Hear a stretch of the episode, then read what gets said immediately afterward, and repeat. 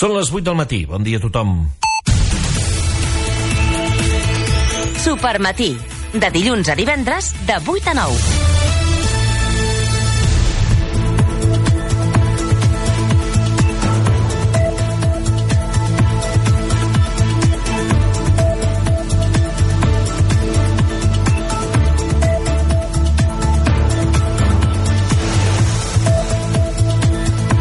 El 1985 es va publicar la cançó We Are The World sota el nom USA for Africa, Stevie Wonder, Lionel Richie, Michael Jackson, Diana Ross, Bob Dylan i moltes altres estrelles de la música de l'època van crear aquest hit per ajudar a mitigar la fam a l'Àfrica.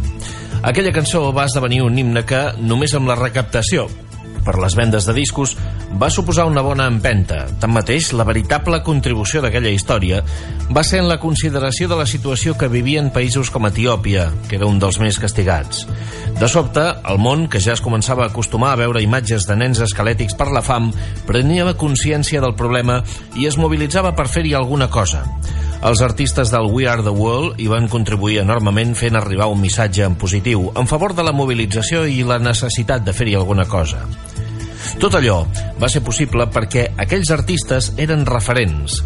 Amb els seus defectes i virtuts eren gairebé únics i la seva capacitat d'incidència era enorme. Tant és així que quan penso en el paper que hauria de tenir la música en la construcció d'un món, d'una societat millor, em venen al cap històries com aquesta. És ben cert que la música és plena de noms propis que han fet molt per la cultura i l'humanisme, però no ho és menys que a mesura que ha avançat el segle XXI, cada vegada és més difícil imaginar un nou We Are the World Ben a prop hi tenim artistes molt compromesos, amb lletres, missatges i actituds que reivindiquen i busquen construir un món millor i més just, però la societat ja no respon igual a les crides que es fan des dels escenaris. Em resulta perillós pensar que la música sigui inocua en les consciències de la gent i que pugui acabar esdevenint un mer entreteniment. Si la música perd la capacitat transformadora, si els músics només aspiren a vendre discos, entrades o plays a l'Spotify, on queda el paper transformador que havia tingut? Que sigui inconcebible pensar en un nou We Are the World al segle XXI diu molt poc de la música per si mateixa, però sobretot diu molt poc de tots nosaltres que, consumint més música que mai en la història, segurament sigui el moment en què li donem menys importància de la història. Són les 8 i 2 minuts. Visca la música. Esteu escoltant el Supermatí, transmet Ràdio Capital de l'Empordà. Supermatí amb en Miquel 40. I amb en Martí Seguer, que com cada dia ens acosta la previsió del temps, Martí. Bon dia. Avui dimarts tenim una jornada de nou marcada per les precipitacions que cauran de manera intermitent més al matí que a la tarda. No esperem que descarreguin grans quantitats, però sí alerta amb el vent que segueix bufant i amb l'onatge que tenim al mar. Temperatures entre els 19 graus de màxima i els 14 de mínima. De cara al dimecres, de nou pertorbació bastant activa que ens deixarà més ruixats i aquests sí que poden ser intensos. També baixada de les temperatures. Dijous i divendres sembla que hi haurà una petita treva. Gràcies, Martí. I com sempre, al començar el programa, el que fem és fer un repàs a l'actualitat informativa del dia.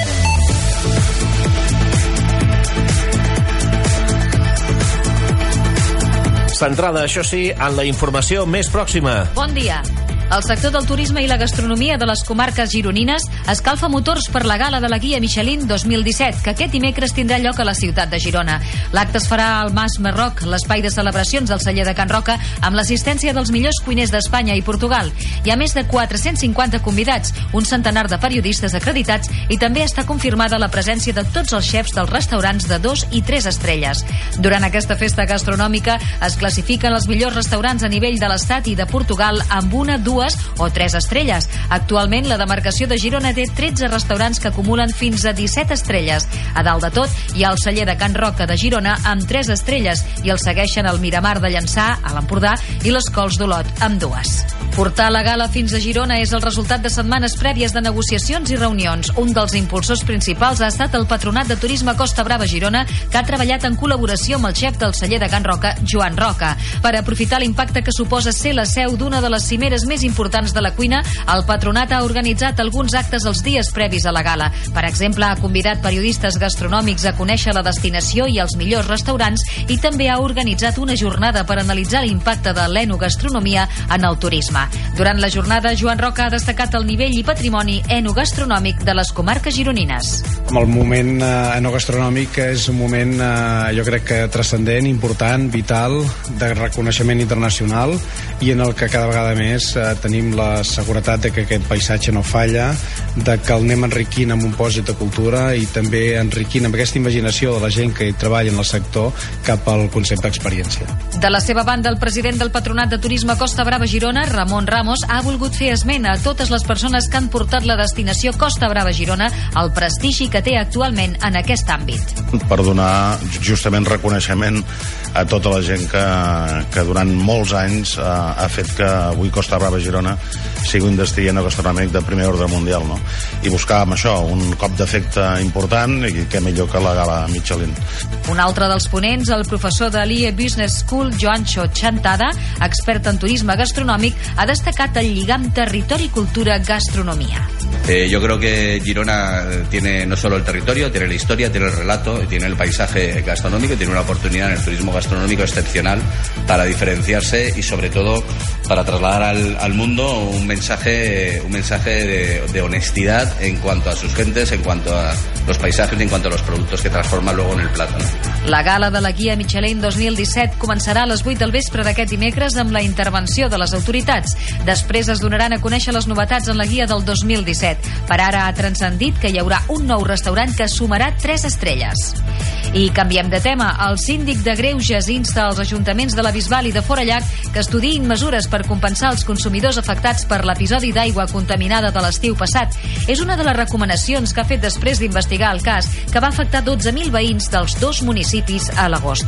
Durant 21 dies, els abonats al servei de la xarxa pública d'aigua no van poder beure aigua de l'aixeta ni emprar-la per cuinar com a conseqüència d'un excés d'herbicides.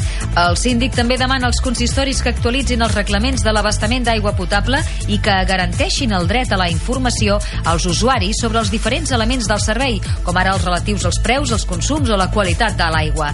També els proposa que sol·licitin la subvenció de l'ACA destinada a vehicles cisterna o a obres d'urgència. A més, proposa als consistoris estudiar sistemes de subministrament complementaris als actuals que donin garanties de futur tant de quantitat com de qualitat de l'aigua. A la resta d'administracions implicades, com ara l'Agència Catalana de l'Aigua, el Departament de Territori i Sostenibilitat i l'Agència de Salut Pública del Departament de Salut, el síndic proposa que duguin a terme nous sondejos per fer-ne un seguiment continuat i comprovar així que el problema no persisteix. Finalment, en el cas del Departament d'Agricultura, se li demana informar, conscienciar i inspeccionar els agricultors i explotacions agrícoles per assegurar un ús sostenible dels productes fitosanitaris. Més coses, el govern destina 2,7 milions d'euros de la taxa turística a nou projectes de la demarcació de Girona. L'objectiu de donar suport al desenvolupament de diferents plans de foment territorial del turisme per millorar la seva competitivitat com a destinacions turístiques. Els diners provenen de la recaptació de l'impost sobre les estades en establiments turístics. Concretament aniran destinats a nou projectes de poblacions com l'Escala, Lloret de Mar, Palamós o Puigcerdà. En la convocatòria d'aquest any, la Generalitat subvenciona fins al 50% dels projectes presentats amb un màxim de 400.000 euros. Des de l'any 2014, la Direcció General de Turisme ha subvencionat 19 projectes amb un import total de 6,1 milions d'euros. Aquests ajuts pretenen afavorir la competitivitat de les destinacions turístiques a través de projectes concrets liderats per ens locals. A l'Empordà, enguany, se'n beneficiaran Palamós amb un projecte d'integració paisatgística i ordenació de l'ús públic del paratge natural de Castell i l'Ajuntament de l'Escala amb el projecte d'urbanització de l'Avinguda Riells i l'enllaç del Noi Esquerrà amb la Clota Petita. Relleu en el govern municipal de Torroella de Montgrí. Jordi Regincós, d'Esquerra Republicana Junts, ha presentat aquest dilluns la seva renúncia a l'acte com a regidor de l'Ajuntament. Regincós fa mesos que havia constatat que no podia compaginar de manera satisfactòria la seva feina com a professor a la Universitat de Girona, la seva activitat política i la seva vida familiar. Segons ha expressat ell mateix, després de donar-hi moltes voltes i havent-ho parlat amb els companys d'Esquerra Republicana Junts, finalment ha presentat la renúncia, tal com marca que la normativa es farà efectiva en el proper ple municipal, que serà al desembre. Si ho ratifica l'Assemblea Conjunta d'Esquerra Republicana Junts, amb tota seguretat serà Anna Maria Mercader, cinquena en la candidatura municipal de 2015, qui agafi el relleu de Regincós. En principi assumiria les mateixes competències delegades per l'alcalde Josep Maria Rufí a Regincós. Cultura, educació, festes, patrimoni cultural i la presidència de l'organisme autònom Can Quintana Museu de la Mediterrània. I per acabar, us expliquem que la sala polivalent de la Biblioteca de Palamós acull l'exposició col·lectiva de fotografies del Cineclub Bahia. La mostra presenta una trentena d'obres de diverses temàtiques realitzades per 17 autors, tots ells socis del Cineclub Bahia. També s'exposen les quatre fotografies que van ser les guanyadores del tercer concurs fotogràfic de la Festa Major 2016. La setena exposició col·lectiva de fotografies dels socis del Cineclub Bahia estarà oberta al públic fins al 7 de gener a la sala polivalent de la Biblioteca Municipal Lluís Barceló i Bou. I de moment ho deixem aquí. Tornem amb el resum de l'actualitat més pròxima quan faltin uns 5 minuts per les 9. Fins després. Gràcies, Sílvia Pedret. Ara mateix passen 10 minuts de les 8 del matí. Esteu escoltant el Supermatí de Ràdio Capital. Però això no s'acaba aquí. Tenim més informació. Ens agrada començar el dia estant ben informats. Tot el que necessites per estar al dia al Supermatí. I amb en Dani Cortés obrim el focus i repassem l'actualitat general, Dani. Bon dia. Japó aixeca tots els avisos de tsunami després d'un fort terratrèmol de 7,4 graus a la costa est del país, a la zona de Fukushima. L'alerta va arribar ahir a última hora del vespre i ha estat retirada aquesta matinada després que només hagi pujat una mica el nivell del mar a algunes ciutats. L'alarma ha estat important perquè a Fukushima hi va haver el pitjor accident nuclear del segle XXI l'any 2011, també després d'un terratrèmol que va conduir a un tsunami. Un jutge de Madrid considera que la prestació de maternitat està exempta de tributar l'IRPF. Després d'aquesta sentència sobre el camí a presentar demandes per tal que es retorni l'IRPF tributat des del 2012 per aquest concepte. Només des del 2012 perquè els casos anteriors han prescrit. En aquest cas de Madrid, el jutge obliga Hisenda que torni a la mare els més de 3.100 euros que havia pagat per la prestació de maternitat. L'Ajuntament de Barcelona multa amb sancions de 315.000 euros tres entitats bancàries que tenen quatre pisos buits. Es tracta de dos pisos al districte de Sant Martí, propietat de la Sareb, la, el Banc Dolent, i dos a Nou Barris, que són del BBVA i del Banc Santander. El regidor d'Habitatge de l'Ajuntament de Barcelona, Josep Maria Montaner, assegura que seran estrictes amb els propietaris. En el cas de que s'incompleixi la llei, arribem fins al final. En aquest sentit, l'Ajuntament ja ha posat multa, en aquest cas s'ha passat del procediment eh, coercitiu, que és el que es va iniciar a l'estiu, sobretot al setembre del 2015, a multes. El consistori també agilitza la tramitació dels expedients. Els grans propietaris tindran ara uns 12 mesos per corregir la situació d'un habitatge desocupat si volen evitar els càstigs més elevats. El Tribunal Suprem confirma la suspensió de 3 anys per al jutge Santiago Vidal, que és ara senador per Esquerra Republicana. El delicte és haver redactat un projecte de Constitució catalana. Els magistrats confirmen la validesa de la suspensió per una falta molt greu perquè el jutge actuava amb una ignorància inexcusable en el compliment dels seus deures judicials, diuen. Rebutgen d'aquesta manera el recurs que havia interposat Vidal. El mateix Santiago Vidal ha dit que arribarà tan lluny com pugui. Interposaré, com és el meu dret, el corresponent recurs d'empara al Tribunal Constitucional, no perquè confiï que aquest tribunal en dongui la raó, sinó com a pas previ imprescindible per poder en el seu dia recórrer al Tribunal Europeu de Drets Humans la CUP presenta una querella criminal contra gas natural pel cas de la dona morta a Reus. En la querella, els anticapitalistes argumenten que l'empresa no va complir amb la llei que obliga a avisar els serveis socials abans de tallar el subministrament. La dona, de 81 anys, va morir com a conseqüència d'un incendi provocat per una espelma dos mesos després que la companyia elèctrica li hagués tallat la llum. L'exdiputat del Partit Popular, Enric Millo, ha pres possessió del seu càrrec com a nou delegat del govern espanyol a Catalunya. Substitueix Maria de los Llanos de Luna. Ho ha fet prometent lleialtat al rei i a la Constitució. Millo ha promès una etapa de diàleg constructiu entre Catalunya i Espanya. Això sí, ha assegurat que exigirà el màxim respecte a l'estat de dret i a la legalitat vigent. La senadora Rita Barberà nega davant del Tribunal Suprem haver comès un delicte de blanqueig de capitals. L'exalcaldessa de València reitera que va aportar 1.000 euros al Partit Popular, però nega que els hi tornessin en bitllets de 500, que és el sistema que suposadament s'utilitzava per blanquejar. La família de la dona que va morir quan una pedra va caure damunt del seu cotxe a la carretera C-17 presentarà una reclamació a la Generalitat. Considera que el Departament de Territori no en va fer el necessari manteniment. L'advocat de la família prepara una demanda de responsabilitat patrimonial però està estudiant si podria tractar-se d'un cas d'homicidi imprudent arran d'un informe que ha rebut dels Mossos d'Esquadra. L'informe de la policia destaca que hi ha hagut fins a 3 accidents per xocs contra pedres en els últims dos anys en el mateix quilòmetre on va morir la dona. En aquells casos no hi va haver víctimes. I acabem cap de les 5 dones mortes aquest 2016 per violència masclista a Catalunya estava entre les més de 10.000 que han presentat denúncies per maltractaments. Per tant, la policia no tenia cap mena de dada que permetés prevenir-ne la mort.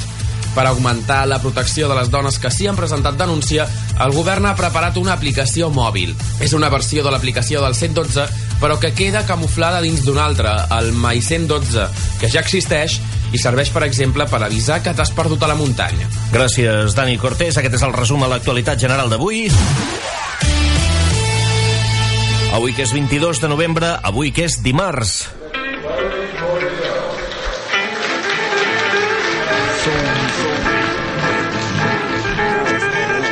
A Ràdio Capital, les nits de dimarts segueixen sent molt negres.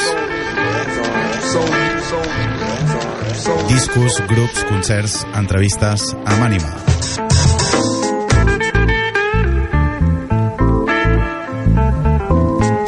Actualitat i història de la música negra d'arreu del món. Els dimarts, de 10 a 11, Negra Nit, amb Xavi Puig. Un quart i un minut de nou. Dani Chicano, bon dia. Hola, bon dia. En Dani Chicano és el director de la revista digital Proscenium dedicada a les arts escèniques i avui volíem parlar amb ell després que es conegués el resultat del jurat del Premi Lluís Carull. Abans, però, fem una petita radiografia amb en David Parrenyó. David. Doncs el periodista Dani Chicano ha quedat finalista del Premi Lluís Carulla d'estímul a un projecte cultural. S'hi presentava amb un projecte de la seva revista Proscenium per crear una col·lecció d'audioguies de teatre. Si l'hagués guanyat, s'hagués endut un socós premi de 100.000 euros per fer-lo realitat. Dani Chicano, però, no es dona per vençut i continua endavant amb Proscenium, la primera revista digital interactiva especialitzada en arts escèniques. Dani, primer de tot, felicitats per uh, arribar ni que sigui a la final d'aquest Premi Lluís Carulla. Moltes mercès, moltes mercès. Va ser molt, molt gratificant, la veritat. Uh, clar, quan arribes, quan arribes a la final de... No, no sé quants projectes es van presentar, ho sabem? 73. Es van presentar 73, dels quals 4 van arribar a una semifinal, per, per entendre'ns, uh -huh. i llavors d'aquests 4 en van triar 3 perquè accedien a la final i són els que la Fundació Carulla n'ha fet promoció. Uh, bé, en qualsevol cas, la revista Proscenium, explica'ns una mica uh, com funciona, de què va i què hi podem trobar.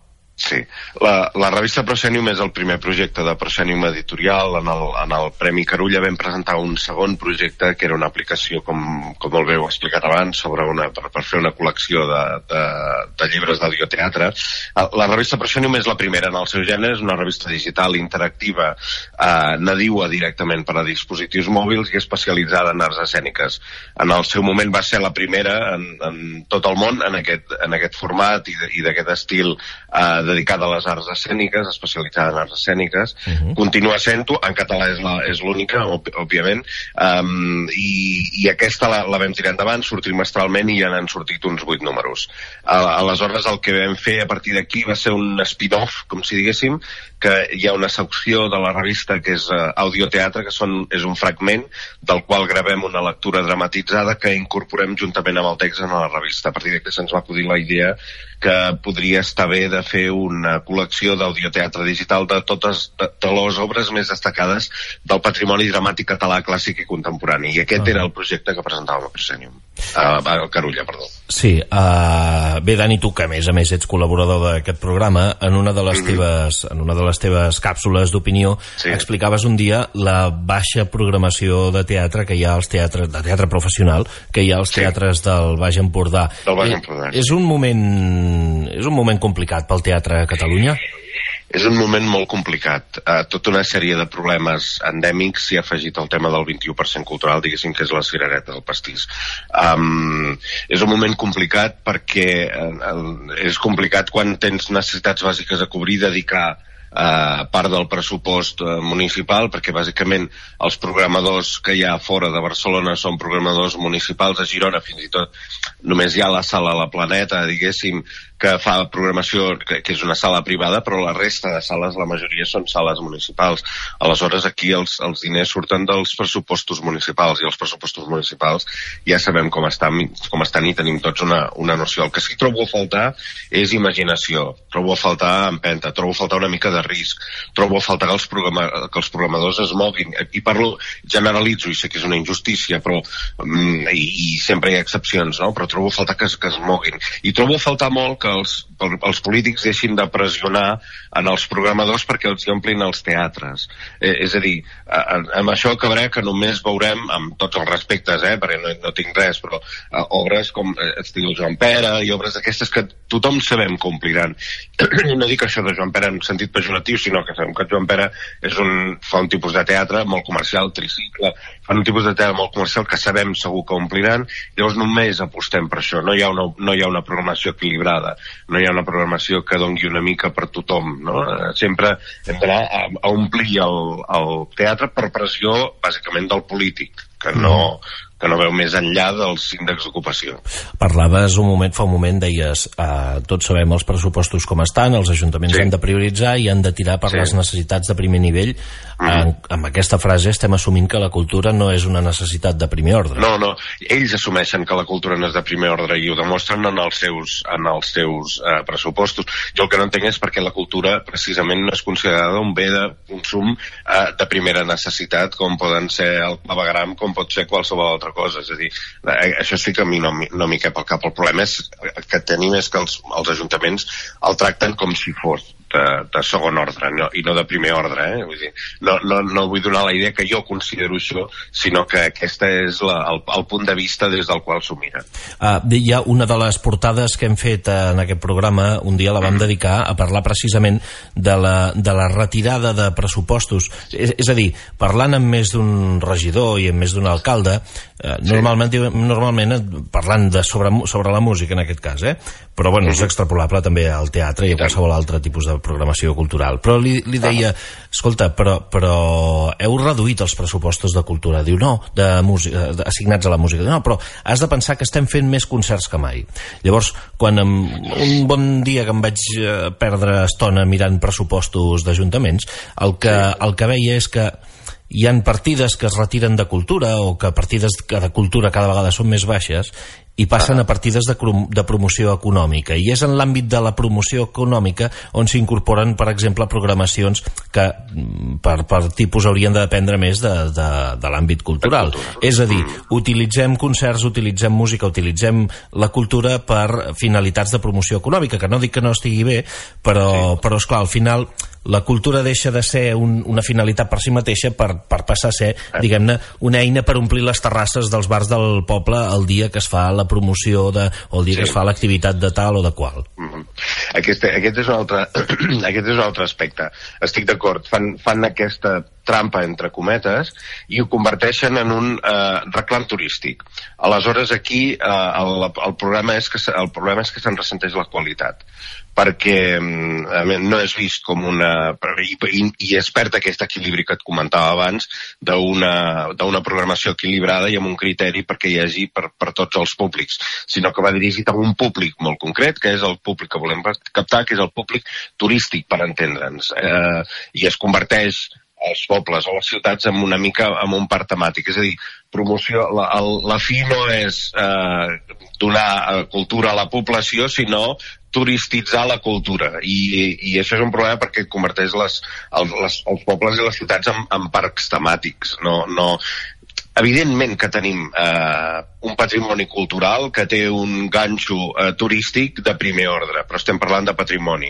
No estem parlant d'actuacions ni, ni aquestes coses. Tot això hauria d'anar destinat a cultura i que se n'ocupés cultura i aplicar sobretot un criteri, un criteri que vagi més enllà d'accions eh, turístiques i d'accions de, de promoció, que també hi pot ser aquest factor, evidentment, eh? no, una cosa no és descartable amb l'altra.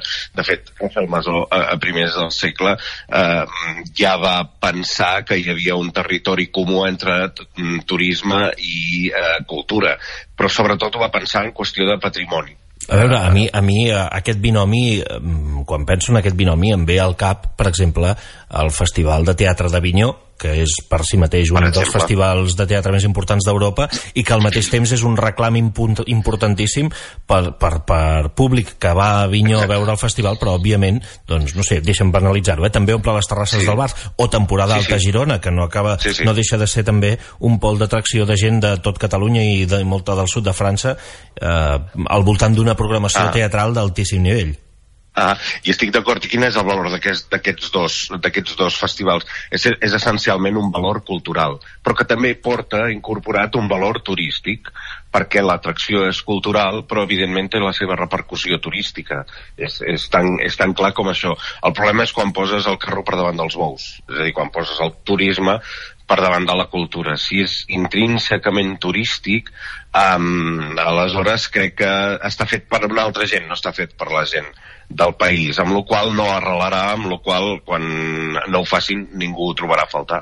Per tant... uh, ens estava escoltant ara mateix a tu i a mi, que més o menys ens movem en, en sectors, en àmbits eh, similars, tot i que sí. fem diferents tipus de feines, però, però pensava ben bé que, que formem, o ben bé que ens movem en l'àmbit de la cultura, perquè des que hem començat l'entrevista gairebé que no hem, no hem parat de queixar-nos del maltracte que rep la cultura.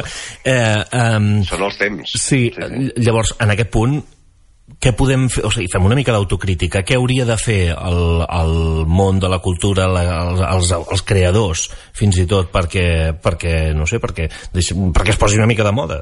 Sí, jo crec que els creadors eh, no, no, hi, ha, hi ha un índex de creació elevadíssim en aquest país. Ara, actualment, crec que els creadors estan fent la, la seva feina. Eh, jo crec que aquí, no és allò de tirar la culpa als altres, jo crec que aquí és una qüestió política. És una qüestió política de posar programadors que tinguin criteri, que es moguin, que vagin a veure les coses i que portin eh, coses... O sigui, la majoria de, de, de, de municipis no, no tenen un programador, sigui per una qüestió de dimensió, sigui per una qüestió d'interès polític. En aquest cas, de desinterès. És un tècnic de cultura, no? un, un tècnic de cultura, que amb tots els respectes, clar, bueno, arribarà on arribarà, m'imagino, no? Però no hi, no hi ha programadors, hi ha molt pocs programadors que es moguin a veure coses i que, i que només veient coses aconseguiràs tenir un criteri i coneixent la teva població i sabent exactament quin és el teu públic i treballant molt als públics és, un, és una qüestió de, de, dels gestors culturals també i de treballar els públics i de veure on els has d'anar a buscar. Tots els grans festivals tenen tots tenen la seva secció, la, la seva, el seu personal dedicat a públics i això ho sabem perfectament i la segmentació de públics i aviam on els hem d'anar a buscar i cada, cada espectacle té un públic diferent i, i cal anar-lo a buscar perquè venir-te és molt difícil que et vingui per moto propi Doncs vols, uh, vols que et digui una cosa al respecte d'això de la gestió del públic que, que per sí. cert estem entrant en un terreny així una mica tècnic i poc sí. eh, interessant Exacte, i edificant eh? però, agraït, però, sí. però jo t'he de dir que cada vegada eh, sens dubte que s'ha de que, que, que, que, has de conèixer la teva audiència i has d'intentar eh, millorar el que ofereixes a la teva audiència a partir del coneixement ah. del que li agrada a la teva audiència, sense cap mena de dubte. Ah. Però jo crec que cada vegada eh, el problema està en la capa superior a això Uh, el problema no és tant de la, crec que cada vegada no és, no és, no és tant la gestió del públic en si mateixa, sí. sinó que el problema és que la cultura, i aquest és un titular de trasgruixut, però crec que la, titula, la, la cultura ha deixat d'interessar absolutament a, a, a la societat perquè ha, de, ha deixat de formar part del dia a dia el, sí. el relat cultural. Estem vivint un procés polític a Catalunya um, que defensa la singularitat catalana, però no en cap moment es posa de manifest que aquesta singularitat catalana ve precisament gràcies a la llengua, gràcies a la cultura eh, històrica que ha tingut aquest país i actualment no se'n parla. Es parla d'economia, es parla de, de com millorarà el benestar de la gent en una hipotètica Catalunya independent, però mai es parla de, escoltin, és que nosaltres volem ser independents perquè a més a més som diferents, perquè tenim aquestes arrels, aquesta cultura, aquesta llengua, aquesta història. I no es parla mai d'això. I estic d'acord, uh, tot i que és la base. I estic d'acord, tot i que és la base, perquè és el que, és el que ens diferencia, diguéssim. I crec que és un error carregar-ho tot en el greuge uh, econòmic, per entendre'ns. Uh, crec que no, no, anem, no anem bé per aquí, tot i que també és un dels greuges. No oblidem també que a partir del greuge econòmic, del greuge comparatiu que, pateix Catalunya respecte a les altres comunitats, um, doncs uh, resulta que a partir d'aquest des, desgreuge um, no, ten, no tenim els fons necessaris, diguéssim, per aplicar tota una sèrie de polítiques uh, fins i tot culturals que serien que possibilitarien que la situació uh, millorés. Nosaltres necessitem aquí un 0% d'IVA cultural necessitem una llei de mecenatge eh, cultural com el Pa que menja i, entre altres coses, per exemple, glorioses i beneïdes iniciatives com la de la Fundació Carulla serien la regla i no pas l'excepció. Eh, eh, aquí, per aquí jo crec que, que anirien bé, però sí que estic d'acord que, que es fa molt, molt poc incís amb això. Segurament no ho sé, perquè deuen considerar que no és una arma prou vàlida com per defensar segons què. Dani, i més enllà de la política, no creus que, que, que el tema comença, el problema comença a les cases i a les famílies i a les persones? És a dir, centrar-nos centrar tot el dia en, en, en ser més competitius, en sí, fer empreses més, més, més economicistes, més eficients, en, en viure millor des del punt de vista estrictament econòmic, no fa que descuidem altres temes com aquest. Jo, jo sóc dels que pensa també els pares llegeixen, els fills llegeixen, els pares van al sí, teatre, els fills van al teatre, els pares escolten sí. música, els fills escolten música. Exacte. Però és que això ja crec que és un problema de base, que és d'educació. És, vull dir, a partir d'aquí en aquest, aquest país va passar i, i ara ja sí que vas lluny bueno, va passar per 40 anys de dictadura que van deixar la seva petja i van fer el, el seu mal diguéssim, i que el, el sistema educatiu eh, posteriorment no, no ha arreglat totes aquestes mancances. El sistema educatiu no fomenta una educació artística eh, que, per exemple, es fomenta en països de parla anglosaxona i en països de parla germànica. Això no, no, no ho trobaràs. Jo crec que aquí tenim moltíssima feina a fer, perquè tot comença per l'educació a partir d'aquí jo crec que tots aquests problemes, i això és de llarg recorregut, eh, tots aquests problemes tindrien un, una certa solució, però mentre no incidim molt i molt en l'educació, però és clar, com que aquí cada cop que hi ha un canvi polític, hi ha un canvi d'orientació amb la qüestió, mai hi ha la manera de posar unes bases fermes, diguéssim, mm. que és el que, el que seria necessari eh, no, no es pot anar cada cop, diguéssim, a, canvi, a, a cop de timó cada vegada que hi ha un canvi polític en alguns aspectes eh, que jo crec que haurien de ser de consens i que s'haurien de respectar com pot ser l'educació. Ja. Uh, escolta, uh, per, per trencar una mica aquesta conversa d'avis queixosos que estem tenint uh, Aviam, um, recomanen ja com a expert del tema. Uh, sí. Tenim en marxa el Festival Temporada Alta. Temporada Alta, sí. Recomanem alguna cosa que puguem anar a veure la gent que som del Baix Empordà? Home, mira, eh, podeu anar a veure els els de Empordà i els que no en sigueu. Eh? Uh, per, per exemple, demà, dimecres, perquè ho dic perquè la, la funció d'avui em sembla que ja està ja és morta, aquest, uh, hi ha hagut una mena com de conmoció en el festival darrerament perquè els dos últims caps de setmana s'ha fet una cosa que es diu el Solar, que és un uh, teatre d'objectes que ha fet per al que en diuen els detect tres detectius d'objectes, la Sara Hilarius, el Homi Oligor i el Xavi Bovés, que fan un, uh, un espectacle que és una petita joia, tan joia que uh, és per 46 persones, la veu ha corregut i van prorrogar funcions per dilluns, dimarts, avui, i dimecres, avui també a les 9 de la nit. Mm. Això no estava previst i, i bueno, la, el festival ha reaccionat ràpidament i ha programat aquestes, aquestes tres uh, funcions. Aquest, per exemple, en seria un de, de molt recomanable. Mm. Um, què més podem anar a veure? Aquest cap de, per exemple, aquest proper cap de setmana el, el, visita el festival un dels, dels directors habituals, el 25 i el 26 de novembre, ve el Peter Brook, ve el mestre Peter Sí. Brook, que fa Battlefield, Camp de batalla, que és com una exhilarització del Mahabharata de 8 hores que va fer. Aquest és un altre de molt recomanable. Un altre de molt recomanable que us aconsello que, que hi aneu amb mainada i qui aneu amb mainada Dani, millor. Dani, Digues, m'has d'explicar què cony estàs fent amb el telèfon, que et sentim fatal. Ai, disculpa, no, no, estic quiet, estic quiet, ara què tal? Bé? Ara, Millor? ara, ara millor. Ara millor. Ara millor. És que el, Perdona, eh, no, no, disculpa. nota com si estiguessis allò a l'espai sideral i vas anant, Ara, pla. venint, anant, venint. Sí, sí, disculpeu, ara, ara, ara em, quedo, em quedo quiet a Mart. Ens hem Em- quedat a Peter Val, sí, el Peter Brook. El Peter Brook, eh, això, deia que feia una giberització del Mahabharata. El Mahabharata és un espectacle que durava 8 hores. L'ha convertit en una hora 45, o sigui, aquest home ha anat a l'essència. Sempre és un plaer veure el mestre Peter Brook. Hi ha un altre espectacle que és una petita joia, que aquest el recomano, amb criatures, eh, també, i sense, eh, que es diu Corró, que és d'Escarlata Circus. És, un, és molt curiós perquè és una visita guiada amb, amb el que abans en dèiem un gabinet de curiositats, que són els precedents dels museus. Um, aquí tens una lliçó de poesia, una lliçó d'anatomia, de física, de geografia, i, però a un nivell molt senzill, però que a més a més eh, amb, amb la participació del públic. I ja per últim, si vols, per acabar, el, tenim un parell de cosetes. L'Antonio Cleopa- Cleopatra del Tiago Rodríguez, un director eh, brasiler, i el Juizmi Pasolini, poeta de les cendres, de l'Àlex Rigola, que es basa en l'últim poemari del Pier Paolo Pasolini eh, incomplert, que va escriure abans de morir eh, i que és també una, una meravella i és d'aquells colpidors, eh? perquè és una mica el Pier Paolo Pasolini deia que no era un visionari que ell simplement analitzava, nosaltres ens ho sembla un visionari, tot i que ell no, no en volia ser Ja. sinó que analitzava la realitat i preveia el que, el que passaria efectivament. Tot això que està passant ho trobem en els, en els poemaris del Pasolini.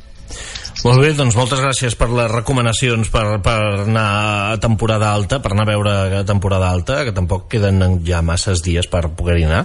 No, la primera setmana de desembre. Sí, A la gent que ens estigueu escoltant, escolteu, agafeu el, el cotxe i a Girona són mitja hora, mitja hora llarga si veniu de Plaja d'Aro, per exemple, però, però val la pena anar-hi. Estem parlant d'un dels millors festivals de teatre d'Europa i, per tant, val la pena, el tenim molt al costat. Dani Chicano, director de la revista Proscenium, escolta, a seguir lluitant i a seguir treballant perquè algun dia puguem tenir aquest fons, aquest fons aquestes, eh, aquestes audioguies o aquestes lectures dramatitzades en format, en format àudio. Continuarem treballant pedalant per no caure de la bici, que diu ell. Exacte. Dani Chicano, director de la revista Proscenium, gràcies per atendre la nostra trucada i et seguim escoltant al Supermatí de Ràdio Capital. Moltes gràcies a vosaltres. Un plaer. Que vagi molt bé. Bon dia. Adéu-siau, bon dia. Passen 6 minuts de dos quarts de nou del matí.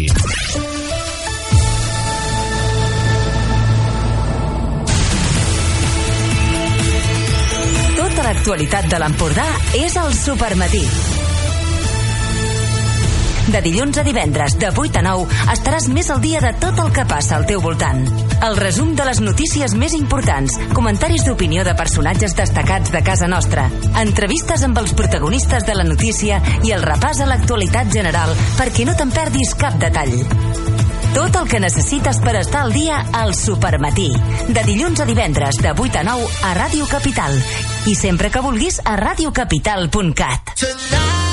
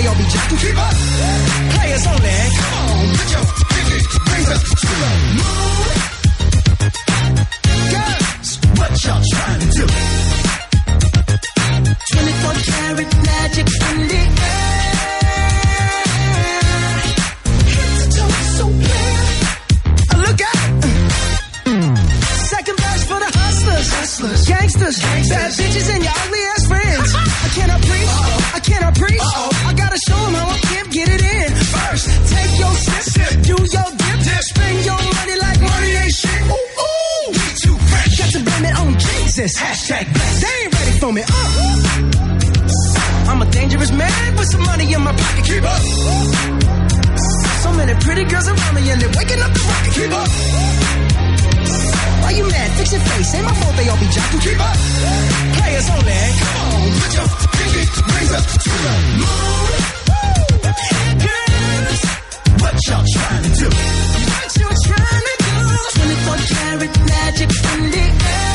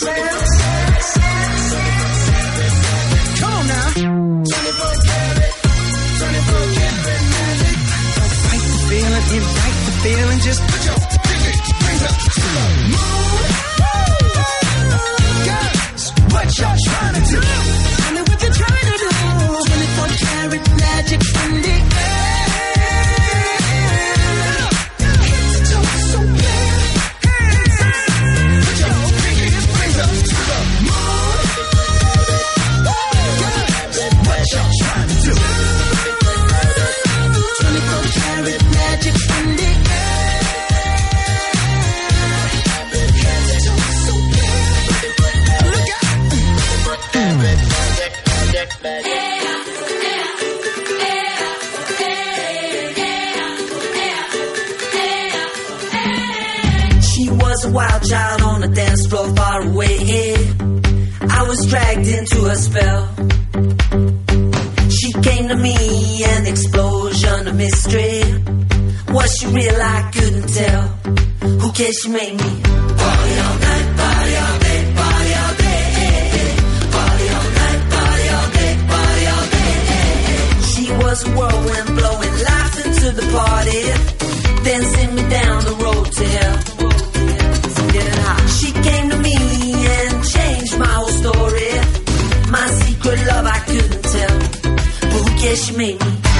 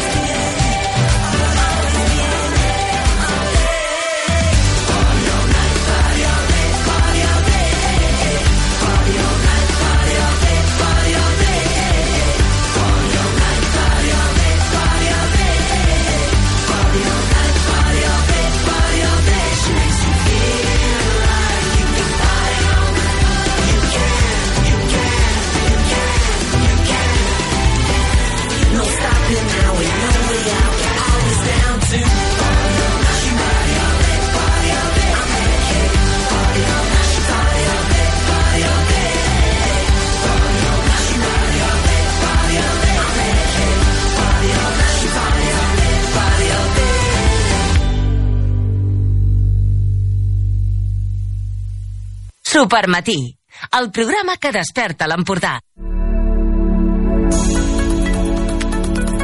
Molt bon dia. Comencem parlant de Google i una curiosa iniciativa. Trobar un bany en el moment adequat quan s'està fora de casa és un problema que de tant en tant té tothom. En el cas de l'Índia, però, és gairebé una qüestió d'estat. El 70% de la població no té accés a banys a les seves llars, motiu pel qual hi ha certa cultura de la defecació pública, que s'ha convertit no només en un problema sanitari, sinó també d'imatge per al país. Per aquesta raó, el govern s'ha aliat amb Google per crear una eina que permeti a la població trobar el bany més proper a casa seva. Segons informa International Business Times India, es llançarà a finals de novembre a l'àrea metropolitana de Delhi i es basarà en la tecnologia de Google Maps. També parlem de Airbnb, que acaba de presentar un ambiciós pla per expandir el seu negoci a Hollywood. Brian Chesky, el conseller delegat, ha anunciat que Airbnb oferirà molt més que allotjament als seus usuaris. Es convertirà en una completa agència de viatges que oferirà tota mena de serveis. La seva proposta és oferir als usuaris l'experiència completa del viatge. Oferiran vols, transport, classes o guies locals. I com no, WhatsApp torna a ser notícia una setmana més. Aquest cop perquè la companyia ha informat a les autoritats europees de protecció de dades que la companyia no ha iniciat cap intercanvi de dades dels seus usuaris europeus amb Facebook i assegura que no ho farà fins que hagi tingut l'oportunitat d'abordar les preguntes i preocupacions que s'han plantejat. Així ha respost la companyia de missatgeria instantània a la carta rebuda el passat 27 d'octubre per part de les autoritats europees en la qual expressaven els seus dubtes i preocupació per l'actualització dels termes del servei i els canvis en la política de privacitat del passat agost. I atenció perquè un programari dedicat a espiar és el cavall de Troia que amaguen alguns mòbils de fabricació xinesa i de baix cost. CryptoWire, una empresa de seguretat, ha anunciat a través del seu blog la inclusió de programes fets per prendre el contingut dels missatges i enviar-los a servidors cada 72 hores. Aquest programa estava amagat dins el sistema operatiu, de manera que el consumidor no ho percebia com un programa sobre el qual pogués tenir control. A més de còpies, els missatges incluïen també la localització de dades i arxiu de trucades. També és notícia a Twitter que acaba d'anunciar que afegirà noves opcions per millorar la relació amb els usuaris que se senten ofesos i al mateix temps eliminar insults, missatges d'odi i faltes en general. Ho farà amb una nova eina per silenciar una conversa i una altra per marcar les paraules que cada usuari considera intolerables. Així, algú podrà deixar un fil de conversa sense rebre notificacions o podrà tenir la seva pròpia llista negra de paraules feridores perquè no es puguin relacionar amb el seu perfil ni citar-lo amb elles. I el sistema operatiu Android 7, també conegut com a Nougat, encara no ha arribat a la majoria de telèfons. En el seu llançament al setembre, només els dispositius de Google podien accedir-hi, i no tots. Només els Nexus 5X, 6 i 6P, els tablets Nexus 9 i Pixel C i el Nexus Player. Passats ja tres mesos gairebé, hi ha diverses companyies que han informat dels seus plans amb més claredat. A principis de novembre van veure com LG llançava el V-20 i després actualitzava el seu LG G5. A l'horitzó, els nous Pixel i Pixel XL de Google també porten el nou Android, encara que una versió una mica més avançada, la 7.1. Per altra banda, l'ús de les xarxes socials a Espanya experimenta un creixement brutal. Els internautes espanyols es connecten cada setmana a una mitjana de 6,2 plataformes socials, una xifra superior a les 5,4 dels europeus i a la mitjana mundial de 4,8. Els espanyols cada vegada es connecten amb més freqüència a xarxes socials i plataformes de missatgeria, segons l'estudi Connected Live de la consultora Cantar TNS, que destaca que les més utilitzades són WhatsApp amb un 86%, que l'usa cada setmana, Facebook amb un 83%, YouTube amb un 72%, Twitter 45% i Facebook Messenger amb un 43%. No obstant això, l'informe detecta que les que més han crescut en l'últim any han estat Instagram, ja usada per un 37% dels internautes, i Snapchat amb un 15%. També hem conegut fa poquet que Rússia ha bloquejat la xarxa professional LinkedIn de Microsoft per suposada violació de lleis russes, segons ha informat a Moscou l'òrgan de control de mitjans russos. Es tracta de la primera gran xarxa social que ha bloquejat l'estat rus, establint un precedent per a altres firmes d'internet presents al seu territori. L'òrgan oficial acusa LinkedIn d'emmagatzemar il·legalment en servidors estrangers dades d'usuaris russos. Segons la legislació actual, la informació de ciutadans russos s'ha d'emmagatzemar localment per qüestions de seguretat. I acabem amb Donald Trump, que vol que Apple fabriqui els seus maleïts ordinadors, sense les seves pròpies paraules, als Estats Units, cosa que també seria extensible als seus telèfons. I la companyia de Tim Cook s'ha plantejat aquesta possibilitat recentment. Segons informen a Nikkei, Apple ha preguntat a Foxconn i Pegatron, els dos principals fabricants del seu telèfon intel·ligent, si seria possible traslladar una part de la producció a territori nord-americà. Foxconn, segons sembla, ha treballat en un pla per això, però Pegatron no sembla que tingui intenció de fer-ho, al·ludint que seria massa car. I fins aquí la tecnologia d'aquesta setmana. Fins la propera. He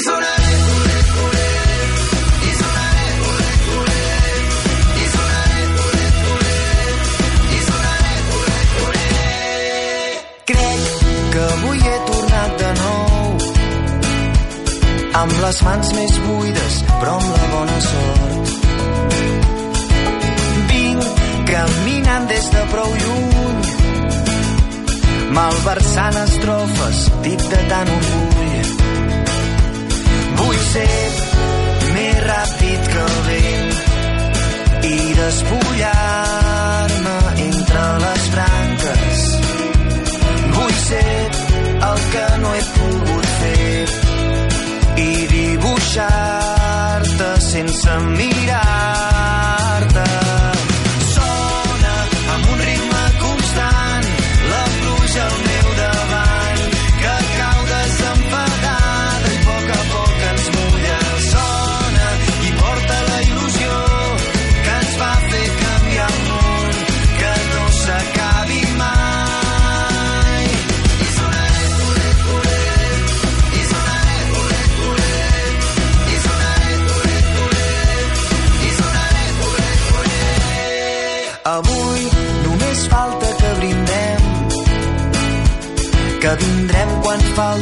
Que serem eterns. I es farà sentir dir-te un altre cop que aquesta nit ens torni a sortir el sol. Vull ser més ràpid que el vent i despullar-me entre les branques Vull ser el que no he pogut fer i dibuixar-te sense mirar-te.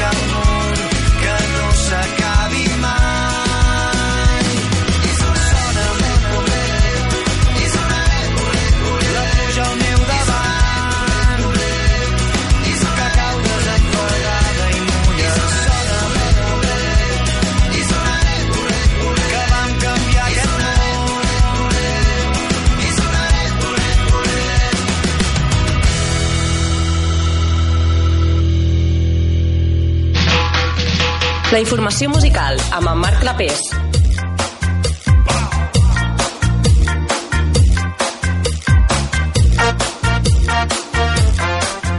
Bon dia, comencem el repàs de les notícies musicals parlant de Coldplay. Oh,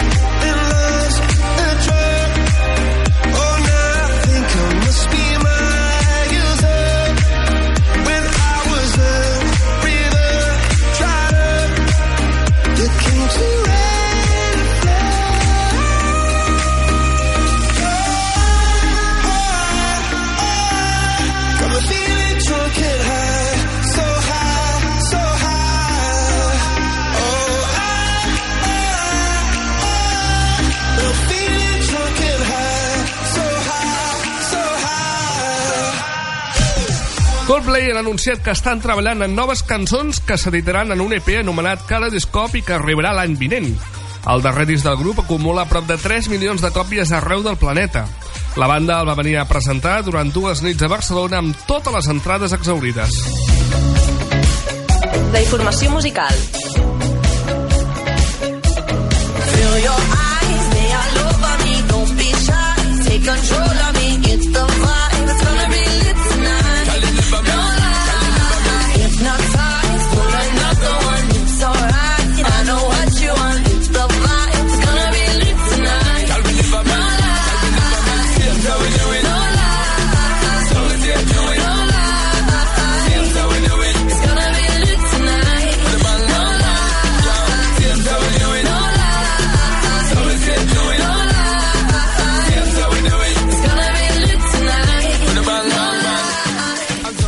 cantant jamaicà Sean Paul ha tornat al panorama musical amb No Lie, on podem escoltar la veu de Dua Lipa, famosa gràcies a temes com The One o Blow Your Mind. La cançó formarà part del nou disc de Sean Paul previst pel 2017. La informació musical. And I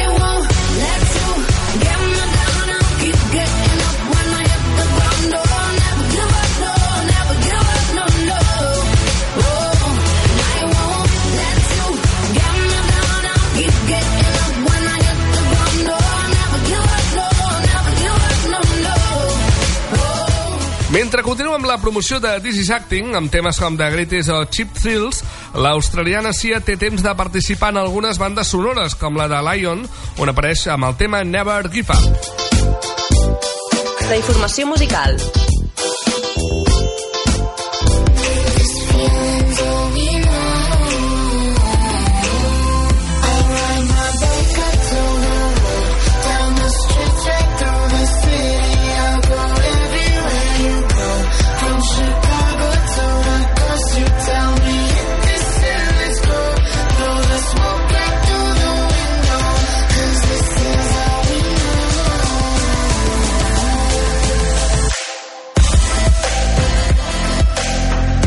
The Chainsmokers continuen explotant el seu èxit ara amb All We Know, que arriba després de la potent Closer. El tema inclou la col·laboració de Phoebe Ryan i forma part de l'EP Collage. Se n'acaba de presentar el seu videoclip oficial, que pots veure per nodirres.cat. Tornem demà, que vagi bé. Ja coneixes el nostre web? Per no dir res.cat. Notícies, agenda, entrevistes, concerts, novetats... Per no dir res.cat. D'aquí a 4 minuts seran les 9 del matí. És el moment de tancar el programa, però abans fem un repàs a l'actualitat més pròxima amb la Sílvia Pedret. Sílvia. Bon dia. El sector del turisme i la gastronomia de les comarques gironines escalfa motors per la gala de la guia Michelin 2017, que aquest dimecres tindrà lloc a la ciutat de Girona.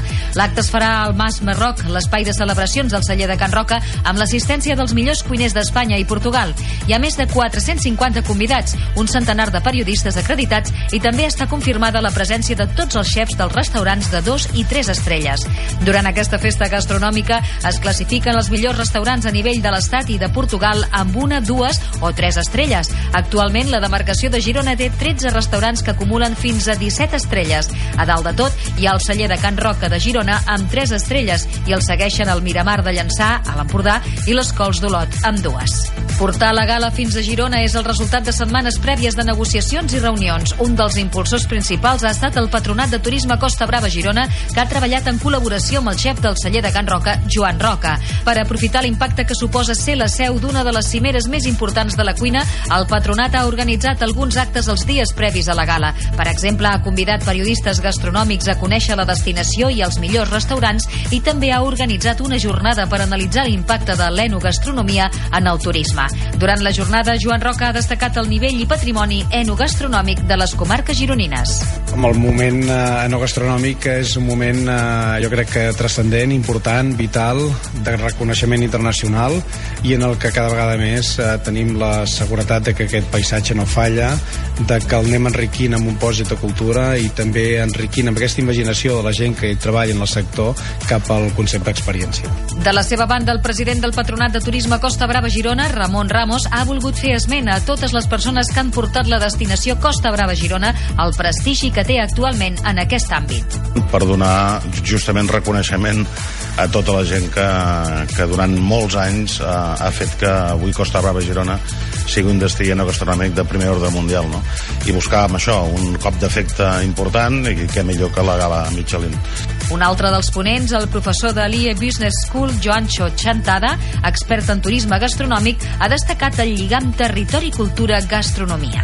Eh, yo creo que Girona tiene no solo el territorio, tiene la historia, tiene el relato, tiene el paisaje gastronómico, y tiene una oportunidad en el turismo gastronómico excepcional para diferenciarse y sobre todo para trasladar al, al mundo un mensaje, un mensaje de, de honestidad en cuanto a sus entes, en cuanto a los paisajes y en cuanto a los productos que transforman luego en el plano. La gala de la guia Michelin 2017 començarà a les 8 del vespre d'aquest dimecres amb la intervenció de les autoritats. Després es donaran a conèixer les novetats a la guia del 2017. Per ara ha transcendit que hi haurà un nou restaurant que sumarà 3 estrelles. I canviem de tema.